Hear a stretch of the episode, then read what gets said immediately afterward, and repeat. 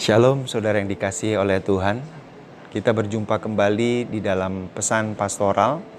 Saya berdoa kita semua dalam keadaan yang baik-baik saja, seperti jiwa kita juga baik-baik saja. Nah, hari ini saya rindu berbagi firman Tuhan. Saya berikan tema Tahukah Anda banyak penderitaan menimpa manusia karena kesalahannya sendiri? Banyak orang bertanya kepada saya, mengeluh mereka dan berkata, "Pak, kenapa ini mesti terjadi di dalam kehidupan saya, keluarga saya, perusahaan saya, pekerjaan saya? Saya menderita sekali karena semuanya ini." Nah, mari kita akan belajar bagaimana sejatinya ternyata banyak penderitaan itu terjadi karena kesalahannya sendiri. Mari saya akan ungkapkan beberapa hal bahwa penderitaan itu terjadi karena kesalahan sendiri dari manusia itu. Yang pertama karena penyalahgunaan obat bius dan alkoholisme. Di dalam firman Tuhan 1 Korintus 3 ayat 17 berkata, "Jika ada orang yang membinasakan bait Allah, maka Allah akan membinasakan dia, sebab bait Allah adalah kudus dan bait Allah itu ialah kamu." Ketika kita menyadari bahwa kita adalah bait Allah, tentu kita harus memelihara bait Allah itu dengan baik. Yang menyadari tidak perlu menggunakan obat-obatan yang terlarang, yaitu obat bius ataupun alkohol yang membuat sampai mabuk. Itu namanya kategori membinasakan bait Allah. Dan jika terjadi sesuatu di dalam tubuh kita, maka salah satu penyebabnya pasti itu. Nah, yang kedua, penderitaan yang yang dibuat oleh dirinya sendiri adalah terlalu banyak makan. Saya jadi kaget ketika saya membaca firman Tuhan ini. Saya bacakan Filipi 3 ayat 19. Kesudahan mereka ialah kebinasaan, Tuhan mereka ialah perut mereka, kemuliaan mereka ialah aib mereka, pikiran mereka semata-mata tertuju kepada perkara duniawi. Jadi ternyata kalau terlalu banyak makan itu membuat penderitaan bagi tubuh itu. Makanya hati-hati kalau kita makan ya terlalu banyak makan juga berbahaya karena itu dapat menyebabkan penderitaan bagi tubuh kita. Nah, kemudian yang ketiga yaitu bekerja dengan berlebihan menyebabkan turunnya daya tahan tubuh.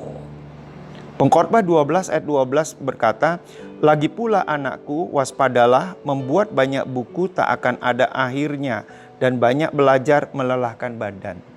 Maaf Bapak Ibu yang suka menulis buku ataupun yang suka belajar, karena saya juga eh, suka belajar, tetapi ada batasnya yang harus kita lakukan supaya daya tubuh kita ini tidak turun gara-gara kebanyakan belajar atau gara-gara menulis buku atau gara-gara bekerja. Bekerja itu harus kita lakukan, tetapi kalau melampaui batas kekuatan tubuh, maka itu membahayakan sehingga bisa menimbulkan penderitaan.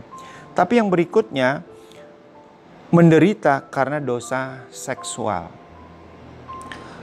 Roma 1 ayat 27 mengatakan, Demikian juga suami-suami meninggalkan persetubuhan yang wajar dengan istri mereka dan menyala-nyala dalam birahi mereka seorang terhadap yang lain sehingga mereka melakukan kemesuman laki-laki dengan laki-laki dan karena itu mereka menerima dalam diri mereka balasan yang setimpal untuk kesesatan mereka.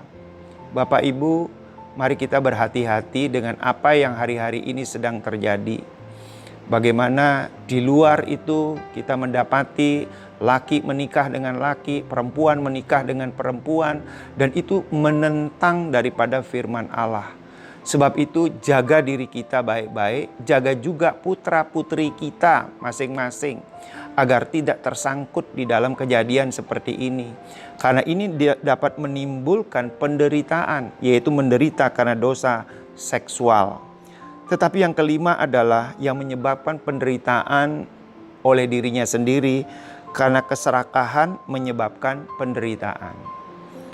1 Timotius pasal yang ke-6 ayat yang ke-9 Tetapi mereka yang ingin kaya terjatuh ke dalam pencobaan, ke dalam jerat dan ke dalam berbagai-bagai nafsu yang hampa dan yang mencelakakan. Jadi sangat berbahaya ketika keserakahan itu ada di dalam diri kita, ketamakan itu ada di dalam diri kita. Nah, mari dari lima hal ini kita evaluasi diri. Apakah penderitaan itu karena memang Tuhan izinkan terjadi, atau penderitaan itu karena perbuatan yang dibuat sendiri oleh kita? Ini perlu kita evaluasi sehingga kita tidak cepat menyalahkan Tuhan, tidak cepat menyalahkan orang lain, tetapi mari kita mengevaluasi diri. Nah, saya percaya ketika kita memahami prinsip-prinsip ini, maka kita akan menjauhkan dari kesalahan. Nah, mari kita bersama-sama berdoa. Bapa di dalam nama Tuhan Yesus, kami mohon Roh Kudus yang memberi petunjuk kepada kami apa yang harus kami lakukan sehingga kami tidak ditimpa oleh penderitaan karena kesalahan kami sendiri. Sebab itu ampuni kami ya Tuhan dan berikan kami pencerahan. Di dalam nama Tuhan Yesus. Amin.